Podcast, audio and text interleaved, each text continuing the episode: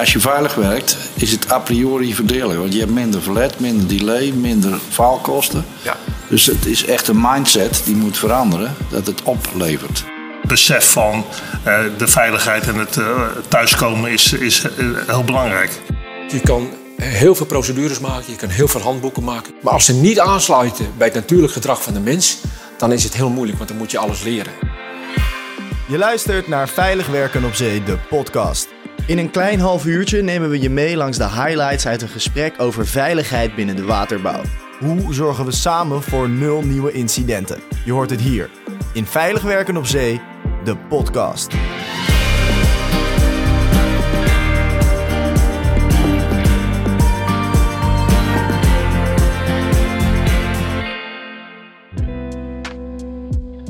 De waterbouw. Het is een bijzondere sector die al sinds de 15e eeuw actief is en een hele goede reputatie heeft. De Nederlandse waterbouwers zijn beroemd.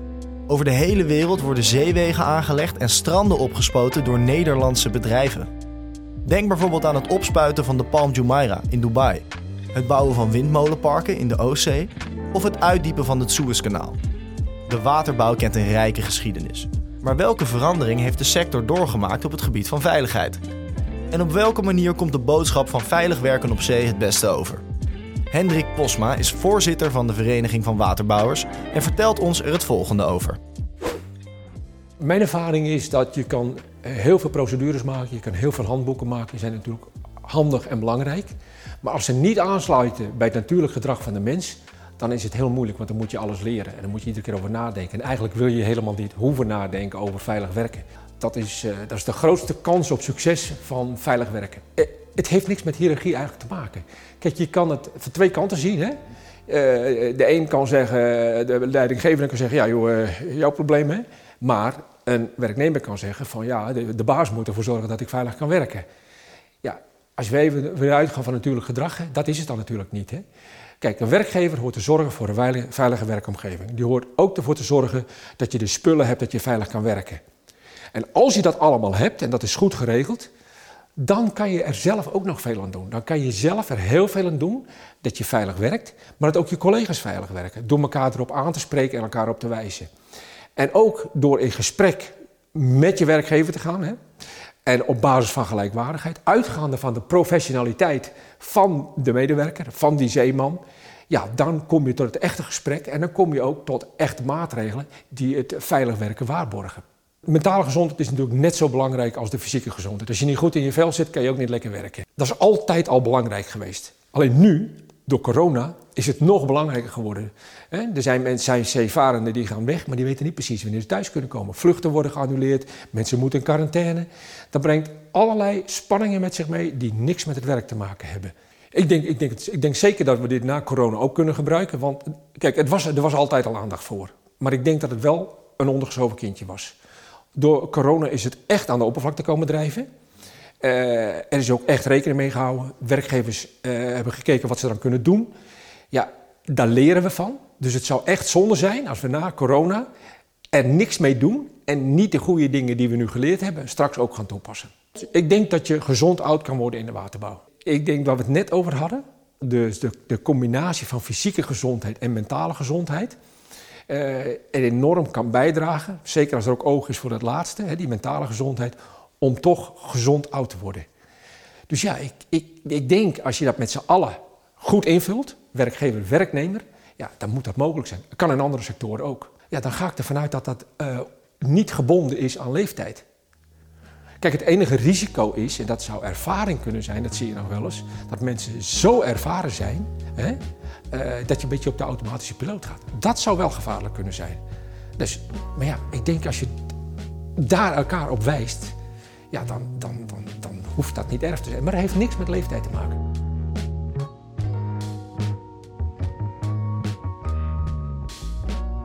Interessante woorden van voorzitter Posma. Kort gezegd zouden de veiligheidsvoorschriften idealiter gezien moeten matchen met het natuurlijke gedrag van de mens. En verdient de mentale gezondheid ook na de coronacrisis extra aandacht. Ik vraag me eigenlijk vooral af wanneer nu de meeste ongelukken plaatsvinden. Daarvoor spraken we met Jan Huibers, directeur van het familiebedrijf van Den Herik, die al sinds 1946 actief zijn binnen de waterbouw. Jan, wanneer gebeuren volgens jou de meeste ongelukken? In een onbewaakt moment. Ja. En we hebben ontdekt dat dat precies voor de vakantieperiode, zowel bij de kerst, dan willen de mensen op vakantie en dan valt er even wat weg. Ja, het werk moet even snel af. Het is branchebreed onderzocht vanuit de infrabouwers dat dat het effect is wat niemand wil en toch gebeurt. Ja. En hoe gaan jullie daarmee om met deze, met deze wetenschap? Ga je dan anders roosteren of anders plannen? Nee, ik denk gewoon bewustwording blijven creëren, vooral in die periode voor zo'n verlof. Ja. Als leidinggevende. Uh, we hebben toolboxen die ze op die projecten geven om daarop in te spelen. Ja, ja. Om zoveel mogelijk bewustwording daarin te blijven creëren, duurzaam.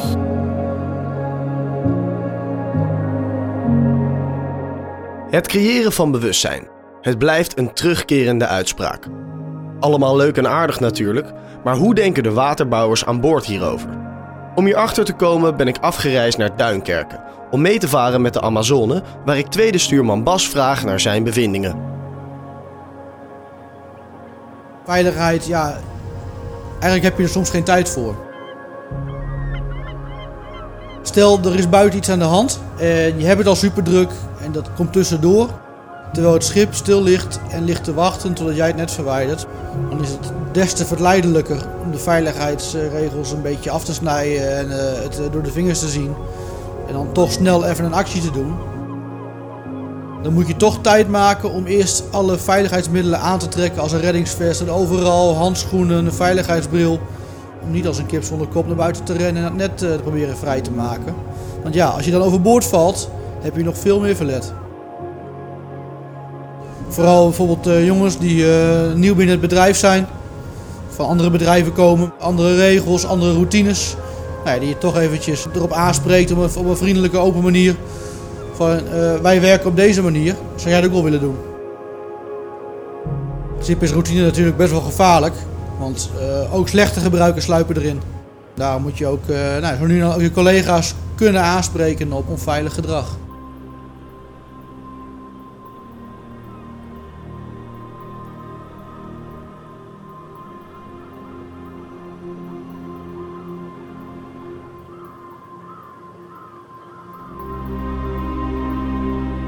Van dit formaat op de Noordzee in de winter, die willen nog wel eens slingeren.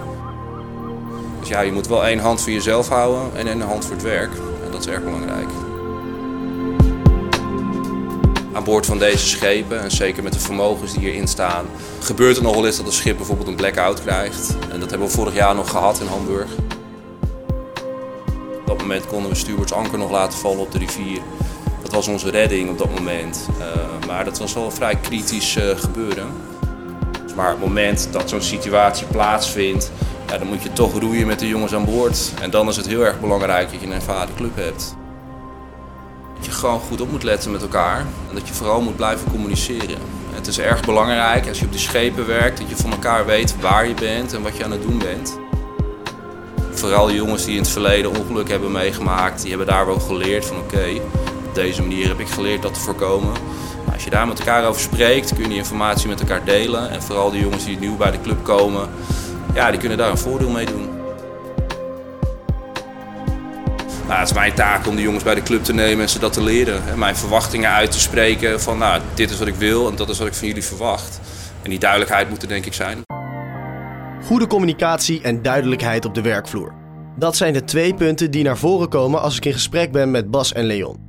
Toch vraag ik me af of dit voldoende is om veilig te werk te kunnen gaan. Want als je je dag in en dag uit op een schip begeeft, neem je dan alle gevaren nog wel even serieus. En voelen alle risk assessments dan niet als een verplichting. Dit kwam ook ter sprake tijdens onze Veilig Werken op Zee webinar. Erik Leutster is fleet manager bij Van Oort en vertelt er het volgende over omdat we zoveel ervaring hebben op de automatische piloot dingen doen. Dan, dan maken we, doen we een toolbox, we maken een risk assessment.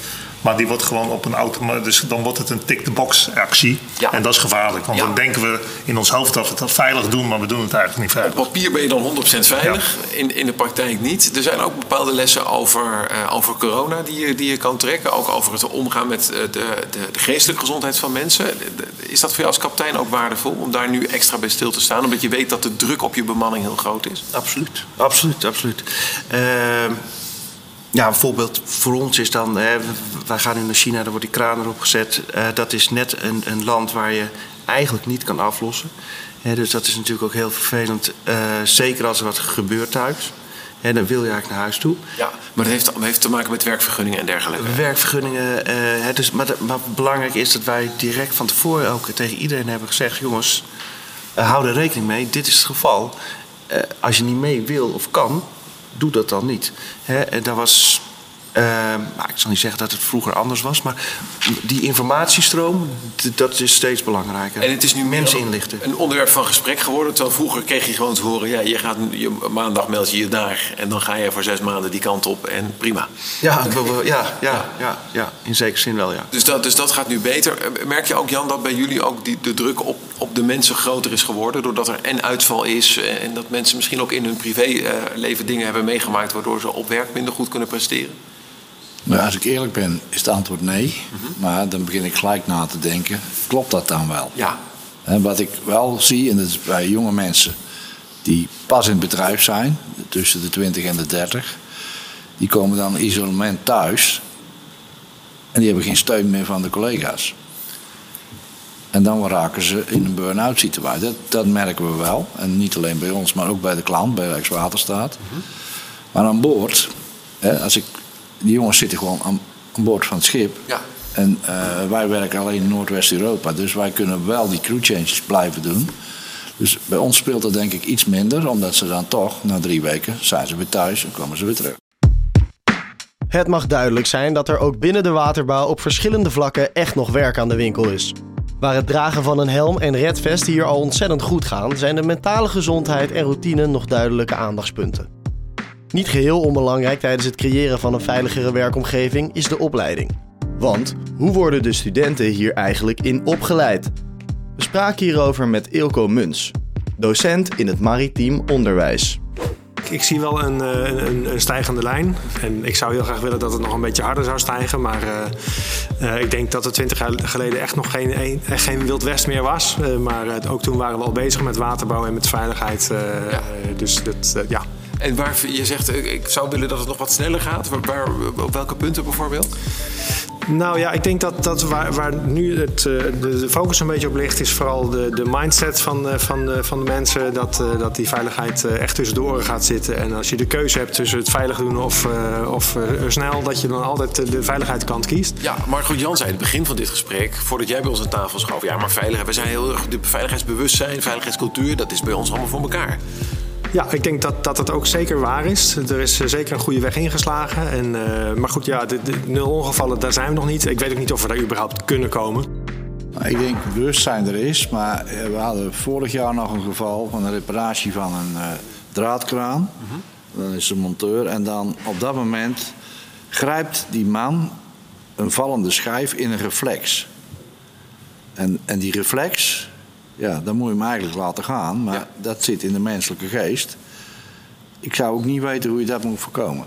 Nee, nee, dat is meer hoe we psycho- fysiologisch geprogrammeerd zijn. Hoe is het afgelopen met deze man die een Maar vallen... die, die was toch een beetje gescheurd. Ja. Dus het was best een, een vervelend letsel. Maar eh, verder was er geen letsel anders dan de afgescheurde spier. Ja. En daar hebben we ook de gesprekken over gevoerd. Ja. Een volgende keer ga je in een procedure dat als aandachtspunt op voorhand zeggen dat die man dat niet moet gaan doen. Ja. En dan, Maar goed, die reflex, dat, dat vind ik een moeilijk eh, Ja. aspect. Ja, dat lijkt me ook heel lastig inderdaad. Dat, dat is gewoon iets, je ziet iets in je ooghoek gebeuren en je, en je, en je reageert. Daar zit geen, geen denkwerk aan vooraf. Ja. En dat is juist, nou, ik maak in de klas vaak een vergelijking met eh, je wil oversteken, maar het is een drukke weg. En, en eh, op die manier vertellen we dan over wat is een risk assessment. Want risk assessment klinkt natuurlijk best wel als een ding dat je, oh nou dat klinkt ingewikkeld. Ja. Maar veel meer dan dat is het niet. Je, je ziet die auto's voorbij lopen en je, je kiest een moment waarop jij gaat oversteken. Ja. Hoeveel, Nee, we hoorden, we hoorden net een stuk sheriff speaker, en kapitein bij Boskalis, dit uitleggen. Wat hij dus dagelijks doet, eh, meerdere keren per dag zo'n zo'n risk assessment maken. Er is ook niet één manier om dat te doen, omdat de omstandigheden natuurlijk altijd veranderlijk zijn. Is er dan voldoende bewustzijn voor veiligheid al, al bij jouw studenten? Uh, op het moment dat ze binnenkomen, denk ik zeker niet. Dat is echt wel een soort uh, nieuw, uh, nieuw iets voor, voor de meesten. Mm -hmm. um, en we proberen dat zo goed mogelijk erbij te brengen. En daar hebben we ook zeker de bedrijven voor nodig waar ze stage lopen om, ja. om daar in de praktijk ook mee in aanraking te nou, komen. Dat is interessant dat je dat zegt, hè, want jij brengt ze van school als volleerd veiligheidskundige, bij wijze van spreken. En daarnaast hebben ze ook nog het vak van de waterbouw geleerd. Maar dan, dan gaat die carrière zich ontwikkelen. Dan komen ze bijvoorbeeld bij Van den Herik te werken of bij een van de andere waterbouwbedrijven.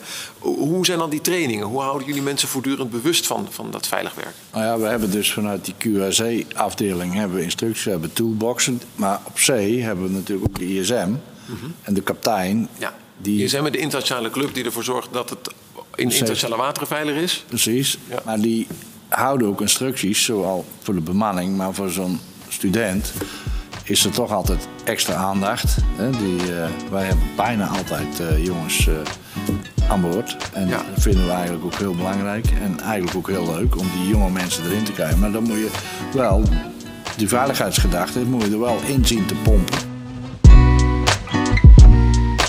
Juist ja, de veiligheidsgedachte moet je er wel in zien te pompen. Duidelijke taal van Jan Huibers. Maar duidelijke taal is wellicht juist wat nodig is in dit geval.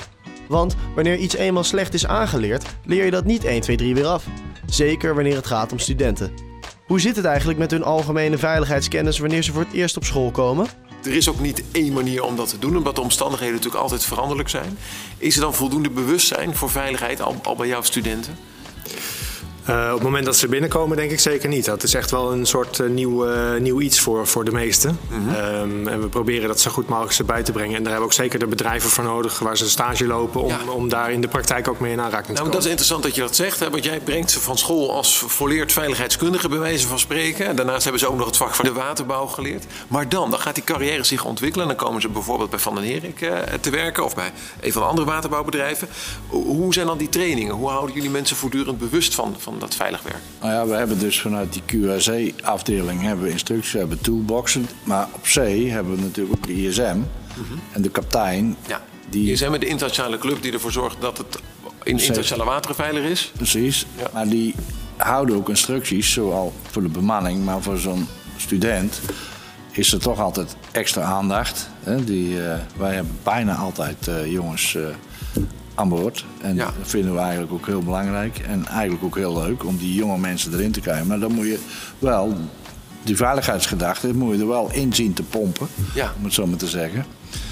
Maar op een of andere manier denk ik dat dat van nature wel gaat. Want die bewustwording is best wel hoger geworden bij ons in de bedrijven, in zijn algemeenheid. In de overleg die we hebben met onze klanten, Rijkswaterstaat bijvoorbeeld, het hoofdstuk veiligheid staat altijd als nummer één op de agenda en ook bij alle interne meetings. Dus de focus leggen we door de communicatie in de overleg altijd ook op die veiligheid. En zowel intern als extern, met de opdrachtgever, met je bemanning, uh, van continu veiligheid. Krijg je dat ook terug, Ilko, van jouw leerlingen als ze dan op stage zijn geweest? Met, met welke verhalen komen ze weer bij jou in de klas? Ja, dat is wel wisselend. Uh, bij, bij sommige studenten daar zie je echt aan van nou, die hebben echt ook uh, uh, bijvoorbeeld de, de, maandelijkse drills allemaal gedaan en, en een regelmatig toolbox meeting. Ja. Maar er zit er ook nog wel eens een tussen die dan zegt ja, ja, soms dan deden we die drill, dan, dan maakt het niet zo uitgebreid en dan deden we even in het kort of een beetje zo, want het moest even tussendoor. Ah. Maar ik Om vind... even af te vinken van we hebben er toch iets. Precies, we hebben, we hebben hem een beetje gehad. Maar uh, ik heb wel het idee dat dat steeds minder voorkomt. Dat, dat, dat het steeds meer serieus wordt genomen, eigenlijk uh, vlootbreed. Dus dat is uh, ook wel onderdeel van die ontwikkeling die ik dan in de twaalf jaar dat ik lesgeef zie. Goed zo.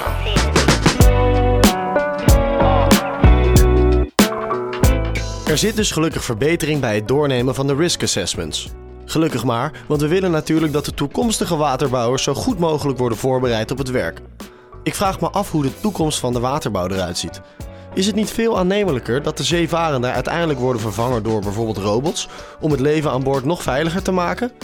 Deze vraag stelden we ook aan Jan Huibers. Het is niet onmogelijk, als ik eerlijk ben. Ja.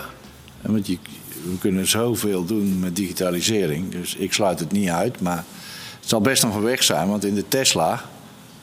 Hè? Ja, een zelfrijdende auto. Tenminste, een auto die zelf kan rijden, maar dat nog niet foutloos doet. Nee, want eigenlijk twijfelen we altijd of de mens het niet beter weet. Maar ik denk dat het eerder andersom is. Ja. Dat wij altijd de, de zwakke factor zijn. Maar dat willen we niet toegeven. Ja, nee, precies. Nee, en dan, op dit moment kunnen mensen nog afwegingen maken die misschien machines of machine learning nog niet helemaal kan. Maar is- dat ook een, een toekomst die jij voor je ziet en waar je dus misschien ook je student op aan het voorbereiden bent, dat ze straks misschien veel meer ook op afstand dingen aan het doen zijn? Op kleine schaal denk ik wel. Eh, bijvoorbeeld in een simulator waar we dan eh, eh, simuleren hoe er gebaggerd wordt. Daar zit ook een automaat in natuurlijk. Ja. En we proberen altijd tegen die leerlingen te zeggen... je moet, het moet het net zo goed kunnen als de automaat, liefst een beetje beter. Het verschil is alleen dat die automaat dat 24 uur per dag kan doen. En die student die heeft na een, na een lesuur wel zoiets van... poeh, nou, ik heb hard gewerkt. Dus daar zit toch wel een verschilletje in. Tijd voor pauze. En, en als je dan kijkt naar, naar, de, naar de sector aan zich, hè, want we zijn bezig met, met, met veiligheid, met veiligheidsbewustzijn. Het is vooral natuurlijk een hele mooie sector om, in te werken. Wat maakt de sector voor jou zo de moeite waard? Ja, volgens mij is het al eerder hier aan tafel geweest. Maar echt het, het, het gevoel dat je iets maakt, dat je iets, eh, iets kan laten zien, iets wat jij gedaan hebt. eh, ja, dat vind ik voor mezelf ook leuk. Omdat eh, van de waterbouw waar heb ik ook, kan ik ook zeggen van hey, dat heb ik, daar heb ik aan meegewerkt of dat heb ik ook mee mogen maken. Ja. En dat, eh, dat vind ik wel echt heel cool van de waterbouw. Ja, je hebt een steen verlegd in een rivier op aarde, of in het geval van de waterbouw heb je vaak iets op zee veranderd en bijvoorbeeld omgeturnd tot land, of tot een dijk, of tot een haven. Waar ben je het meest trots op, Jan? Een waterzuivering die we in eh, Mali hebben gebouwd. Kijk, Dat is natuurlijk iets heel anders dan op zee, aan de Ja. van de Niger. Om, omdat het in een ontwikkelingsland de eerste wateringzuivering was van heel West-Afrika. Met een zuiveringsrendement terug tot 32 procent. En toen dacht ik, ik ben een civiel techneut. In Nederland heb ik dat nooit beseft. Want er is alles al. Maar in dat land heb je echt iets veranderd. ja, want je hebt ervoor gezorgd dat de basis van het menselijk bestaan, namelijk Schoon schoon en veilig drinkwater, dat die daar op orde kwam. Ja. Wat goed. En, en draait die nog steeds? Hoe is het onderhoud? Dan We moet je- moeten weer terug. Je moet weer terug. Moet er weer wat bouten worden aangedraaid Het om is stil te worden. onderhoud in eh, een Afrikaans land. En zeker in een land waar het oorlog is. Hè, want dat moeten we beseffen. Ja, Best complex. ja. Goed, we hebben ook de Beatrixhaven gegraven. Dan zie je op de kaart dat bij Google dat er iets veranderd is. En dan mogen wij dan zeggen dat hebben wij gedaan. Maar de waterbouw is never a dull moment.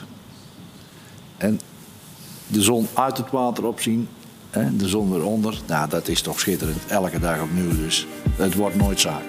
En met die woorden zijn we alweer aan het einde gekomen van de tweede aflevering van Veilig Werken op Zee, de podcast. Het dragen van je beschermingsmiddelen, goede communicatie en het implementeren van gesprekken over veiligheid zijn de kernpunten die naar voren zijn gekomen in het afgelopen half uur. Wil je de volledige webinar terugkijken of andere items over veiligheid zien? Ga dan naar www.veiligwerkenopzee.nl en als je daar bent, volg ons dan meteen even op je favoriete social media kanalen. Stuur deze podcast door naar je collega's en begin samen een gesprek over veiligheid aan boord.